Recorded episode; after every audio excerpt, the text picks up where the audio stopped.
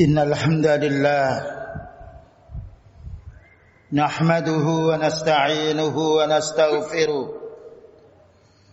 ونعوذ بالله من شرور أنفسنا وسيئات أعمالنا من يهده الله فلا مذل له ومن يذلل فلا هادي له أشهد أن لا إله إلا الله وحده لا شريك له.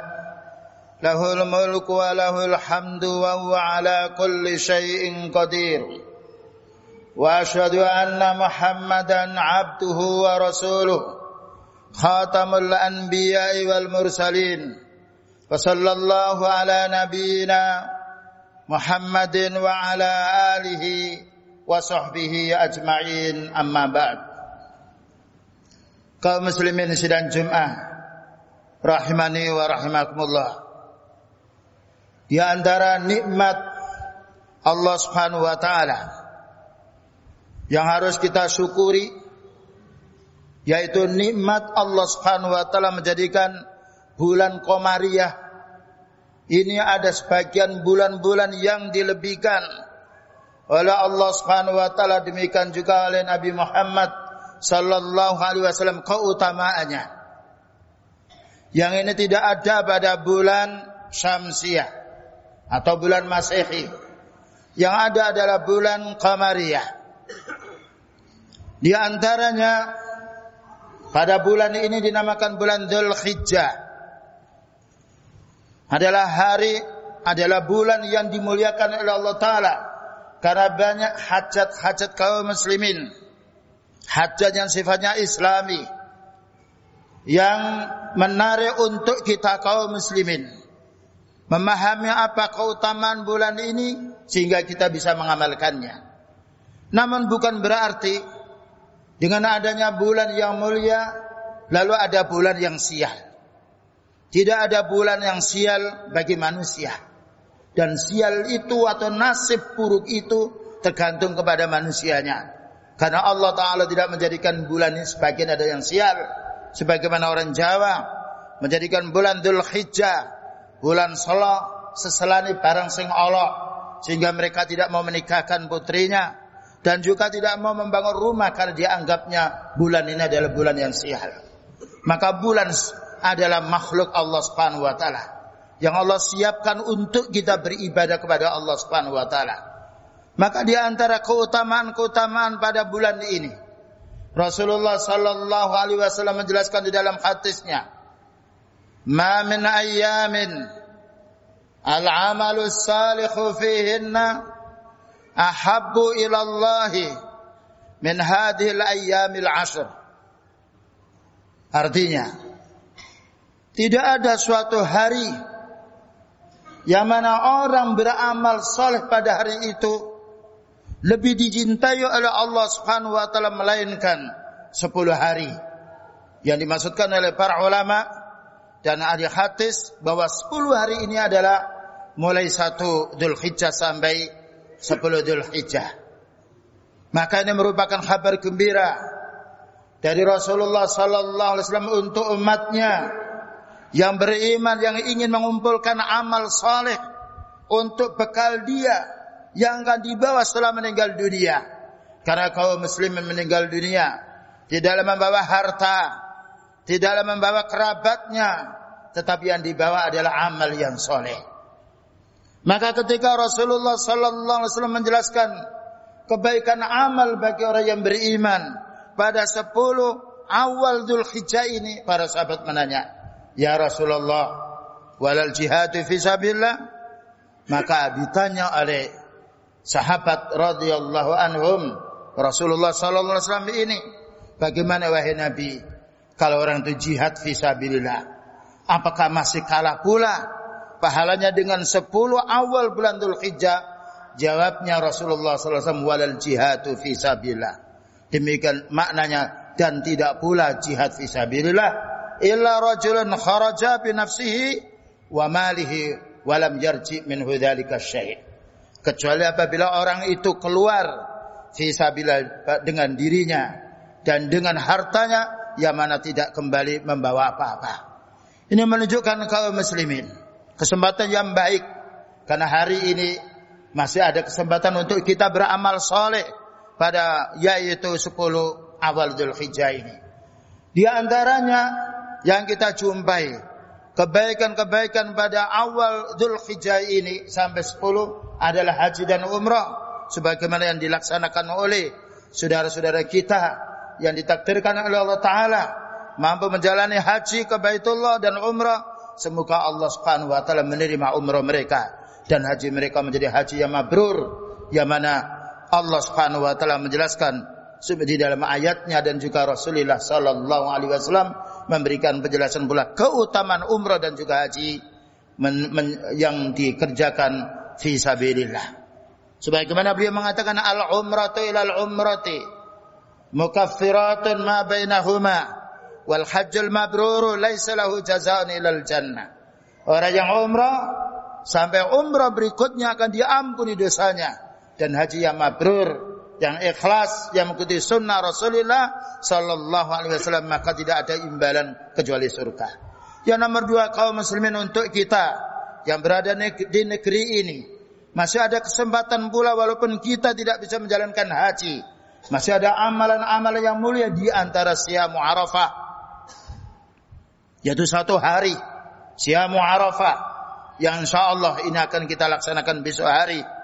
Bagi orang yang kembali kepada ru'yanya negeri ini. Yaitu Rasulullah sallallahu alaihi wasallam bersabda ya saumu yaumi arafata aqtasibu 'ala Allah ay yaghfir as-sanata allati ay yukaffir as-sanata allati qablahu wa ba'dahu maka puasa satu hari yaitu puasa Arafah Aku berharap kepada Allah Subhanahu wa taala untuk diampuni dosa ini satu tahun sebelumnya dan satu tahun satu tahun sesudahnya pula. Maka ini merupakan kabar gembira dari Rasulullah sallallahu alaihi wasallam satu hari kita berpuasa yang itu adalah hari Arafah yang tidak kita jumpai kecuali satu tahun hanya sekali ini namun menghapus dosa hubungan kita kepada Allah Subhanahu wa taala selama satu tahun sesudahnya dan juga sebelumnya. Ini kenikmatan. Dan ini yaitu kenikmatan orang yang berpuasa pada hari Arafah. Oleh karena itu kaum muslimin yang dimuliakan oleh Allah Ta'ala jangan sampai ditinggalkan. Satu hari berpuasa karena Allah Subhanahu Wa Ta'ala mengikuti sunnahnya mendapatkan pengampunan dosa yang semisal yang telah dijelaskan oleh Rasulullah Sallallahu Alaihi Wasallam. Bahkan juga para ulama sunnah memberi penjelasan pula kepada kita semuanya. Keumuman hadis ma min 'abdin yasumu yawman fi sabilillah tidaklah salah seorang hamba berpuasa satu hari saja fi sabilillah mencari ridha Allah Subhanahu wa taala illa ba'atallahu bidzalikal yaumi wajhahu minan nari sab'ina kharifan hati yang diriwayatkan Imam Muslim rahimahullah taala melainkan Allah Subhanahu wa taala akan menjauhkan manusia pada hari itu wajahnya dari api neraka selama 70 tahun. Subhanallah, kenikmatan puasa. Makanya Allah Ta'ala memberikan penjelasan kepada kita semuanya. Ketika kita dihadapkan kesulitan-kesulitan yang banyak, maka Allah berfirman, Wasta'inu bis sabri Maka mintalah pertolongan kepada Allah Ta'ala dengan bersabar. Di antara ahli tafsir mengatakan, bersabar yaitu dengan siam wassalah dan juga salat. Ini adalah ikhwah yang perlu kita yaitu fahami keutamaan-keutamaan di antaranya bagaimana kita berpuasa yaitu pada hari Arafah. Selanjutnya pula keutamaan yang lain bahwasanya tidak ada hari raya untuk kaum muslimin. Ya, seluruh dunia ini melainkan hanya dua hari raya yaitu hari raya Idul Fitri yang itu jatuh setelah kita menjalankan rukun Islam yang berupa siam dan juga hari raya Idul Adha yang itu jatuh yaitu setelah orang itu menjalankan haji. Maka hari raya kaum muslimin adalah dua hari raya, Idul Fitri wal Adha. Maka termasuk syiar kaum muslimin. Bahkan juga dianjurkan kita oleh para ulama sunnah menghukuminya sebagian menjalankan salat hari rayanya adalah fardu ain. seperti Imam yaitu Asy-Syaukani dan juga Imam Al-Qurtubi rahimahullah taala mengingat beberapa dalil yang mana Rasulullah SAW tidak pernah memerintah wanita itu untuk sholat berjamaah di masjid.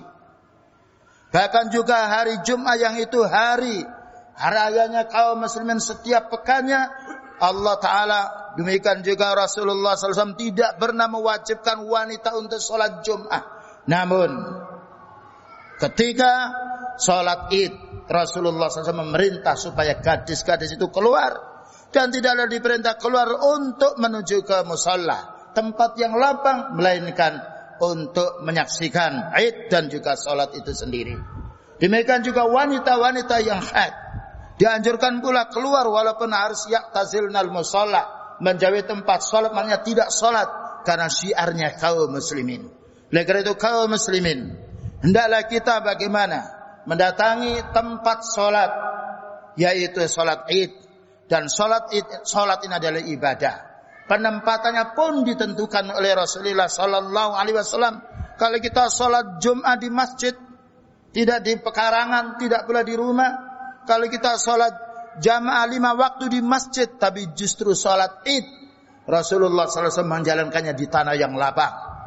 Ini menunjukkan ibadah dasarnya adalah ikhlas karena Allah Taala dan juga mengikuti sunnahnya Rasulullah Sallallahu Alaihi Wasallam. Oleh karena itu bagi orang yang sifatnya punya udur, yang karena hujan mungkin dia sholat di masjid.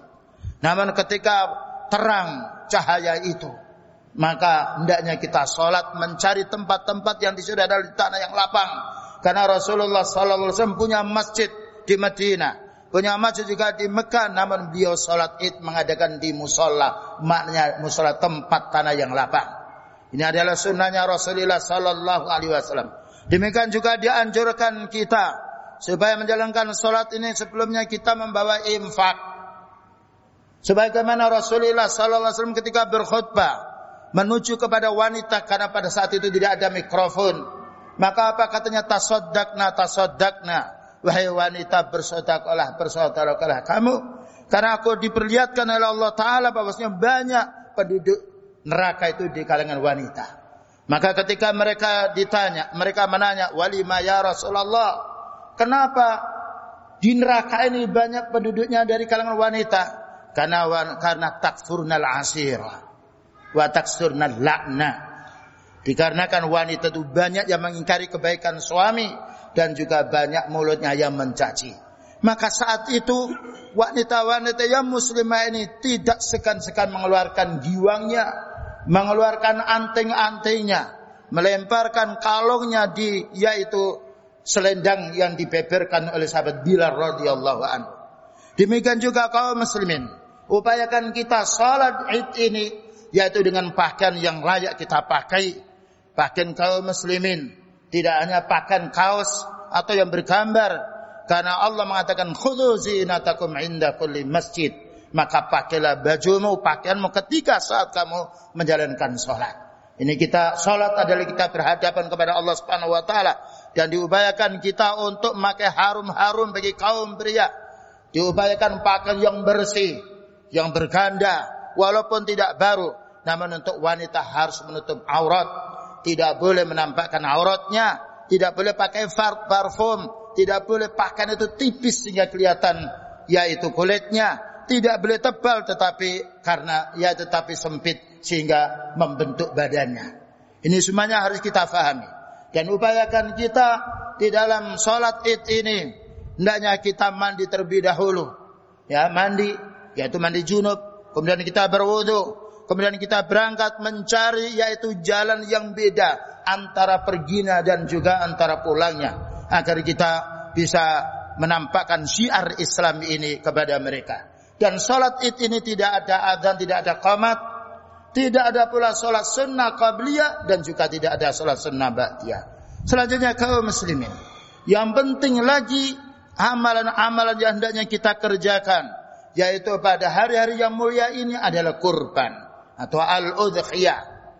Udhiyah adalah disyariatkan oleh Allah Subhanahu wa taala sebagaimana Allah berfirman fasalli li rabbika wanhar maka salatlah kamu karena Allah taala dan berkorbanlah. Maka korban adalah penyembelian binatang ternak yang berupa sapi atau unta atau pula yaitu kambing pada hari raya Idul Adha dimulainya setelah sholat sampai hari tasrik yaitu tanggal 13 sebelum maghrib taqarruban ilallah subhanahu wa ta'ala bahkan juga kaum muslimin keutamaan kurban ini di antaranya amal orang yang hidup bisa untuk orang yang telah meninggal dunia adalah kurban. Maka ini harus kita fahami. Maka seorang anak yang ingin berbuat baik kepada orang tuanya, seorang suami ingin berbuat baik kepada istrinya yang telah meninggal dunia atau sebaliknya, maka bisa dia berkorban untuk kerabat yang telah meninggal dunia. Dengan syarat apabila orang yang telah meninggal dunia itu umpamanya dia pernah nadar sebelumnya atau sudah disiapkan kurban itu lalu meninggal dunia sebelum waktunya kurban maka harus dilaksanakan kurban itu. Atau diikut sertakan kurban untuk orang meninggal dunia dengan orang yang masih hidup. Karena Rasulullah sallallahu alaihi wasallam yaitu ketika berkorban Allahumma taqabbal hadza minni wa min ali Muhammadin. Sallallahu alaihi wasallam wa min ummati lam yudakhi Ya Allah terimalah korbanku ini dan juga korban kerabatku ini dan juga yaitu korban untuk umatku yang tidak bisa berkorban. Maka kesempatan yang baik kaum muslimin. Kita bisa berbuat baik kepada kerabat kita yang telah meninggal dunia. Yang mereka itu adalah muslim. Di antaranya bagaimana kita berkorban untuk diri kita yang masih hidup. Dan juga menyertakan kerabat kita yang telah meninggal dunia. Demikian juga kaum muslimin. Karena korban ini adalah ibadah. Maka jangan sampai ada pemikiran. Wah karena korban ini sudah banyak sapi. Sudah banyak kambing daripada mubazir. Lebih baik kita infakkan saja nilainya korban. Maka jangan sampai kita punya pemikiran demikian. Karena Islam, karena ibadah bukan dengan rekayasa akal. Ibadah itu tauqifi. Berpijak kepada dalil yang ada dalilnya kita kerjakan, jika tidak ada kita tinggalkan. Bahkan juga Rasulullah Sallallahu Alaihi Wasallam setiap tahun beliau berkorban, tidak pernah beliau tidak korban. Bahkan juga Allah mengatakan fasolli li wanhar. Maka bersolatlah karena Rabbmu dan berkorbanlah. Maka walaupun sudah banyak berkorban, kita hendaknya jika mampu berkorban maka hendaknya berkorban. Karena Allah Ta'ala menjelaskan kepada kita, Layyana Allah lukhumuha wa la tima'uha, walaki yanaluhu taqwa minkum. Tidaklah sampai kepada Allah Ta'ala itu darah dan juga dagingnya. Tetapi yang sampai kepada Allah Ta'ala adalah, yaitu ketakwaan kita. Rasa khauf kita, rasa berharap kita, rasa ketaatan kita kepada Allah Subhanahu wa taala. Begitulah kaum muslimin, pentingnya kita memanfaatkan waktu yang sangat mulia. Waktu ini hanya kita jumpai satu tahun sekali. Dan bagi siapa yang mampu untuk berkorban, maka hendaknya berkorban. Dan karena korban itu bukan memakan harta yang banyak, namun korban tidak boleh iuran, yaitu satu kambing untuk lebih daripada satu. Dan korban tidak dianjurkan untuk yaitu arisan sehingga dia hutang dulu. Tetapi orang yang mampu berkorban maka hendaknya berkorban, menyertakan pula kerabatnya yang tidak bisa berkorban.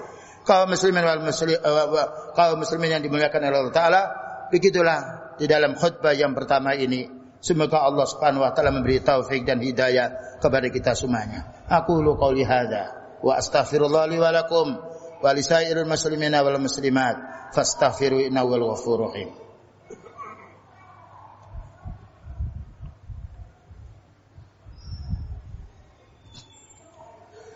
Alhamdulillah hamdan kama amar. An la ilaha illallah wahdahu la syarika lah. Wa asyhadu anna Muhammadan abduhu wa rasuluh amma ba'du. Ya antara pula hal-hal yang harus kita laksanakan ketika kita berkorban.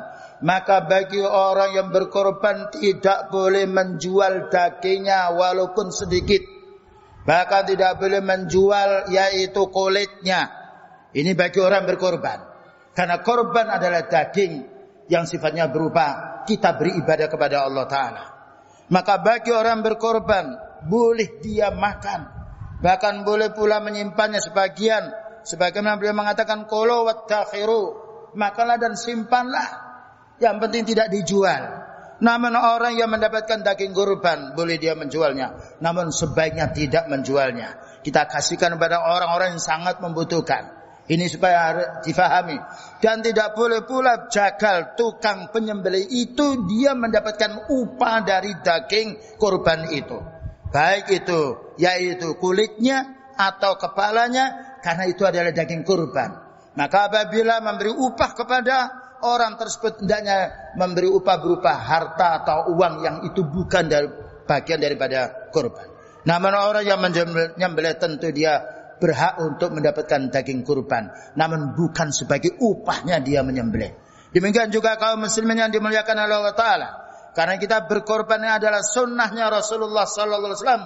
Bahkan sunnahnya Nabi Ibrahim Alaihissalam. Maka kita hendaknya menyembelih tepat waktunya. Tidak boleh kita menyembelih sebelum sholat id dilaksanakan di tempat itu. Karena barang siapa yang menyembelih sebelum sholat id, maka hendaknya fal yu'id dzabihatahu dia mengulanginya lagi. Maka dengan dasar ini ada orang yang berpendapat wajibnya orang itu berkorban jika dia mampu. Demikian juga waktu kurban setelah sholat id sampai yaitu ayam tasrik yaitu tanggal 11, 12, 13 sebelum maghrib. Dan juga hendaknya diperhatikan pula bagi orang yang menyembelih ini betul-betul orang yang ahli menyembelih, bukan sembarang menyembelih.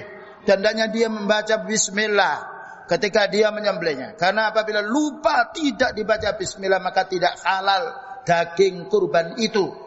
Karena Allah Ta'ala memberikan penjelasan kepada kita, wajibnya kita makan daging yang disebut dengan nama Allah Subhanahu Wa Ta'ala. Demikian juga harus diperhatikan pula, bahwasanya orang-orang yang menyembelih dia hendaknya yaitu menghormati atau memuliakan binatang-binatang yang ternak yang mau disembelih. Hendaknya tidak menampakkan pisaunya dan hendaknya pisau itu betul-betul tajam dia. Dan hendaknya menggembirakan binatang itu sebelum disembelihnya. Entah itu dikasih makan atau minum sebagaimana keterangan para ulama sunnah. Begitulah tambahan di dalam khutbah yang kedua. Kaum muslimin dan juga yang dimuliakan oleh Allah Subhanahu wa taala semoga Allah Subhanahu wa taala senantiasa memberi taufik dan hidayah menunjukkan kita jalan yang benar dan diterima amal kita oleh Allah Subhanahu wa taala dan diampuni dosa kita semuanya. Allahumma salli ala Muhammad wa ala ali Muhammad kama sallaita ala ali Ibrahim wa barik ala Muhammad wa ala ali Muhammad kama barakta ala ali Ibrahim fil alamin innaka Hamidum Majid. Allahumma fir lil mu'minina wal mu'minat wal muslimina wal muslimat al ahya minhum al-amwat. innaka sami'un qaribun mujibud da'wat rabbana zalamna anfusana wa illam taghfir lana wa tarhamna lanakunanna minal khasirin. Rabbana la tuzigh qulubana ba'da idha hadaitana wa hab lana min ladunka rahmah. Innaka antal wahhab. Allahumma taqabbal a'malana. Allahumma taqabbal siyamana. Allahumma fir dhunubana. Allahumma sabbit aqdamana Allahumma ansur ikhwanana al-muslimina fi Palestin Allahumma ansur ikhwanana al-muslimina fi Suriah وفي غزة اللهم ثبت أقدامهم وانصرهم. اللهم دمر أعداءك أعداء الدين من اليهود الغاصبين والكفرة والمفسدين. اللهم أصلح ولاة أمورنا. اللهم أصلح ولاة أمورنا وعلماءنا. وصلى الله على نبينا محمد وعلى آله وصحبه وسلم والحمد لله رب العالمين.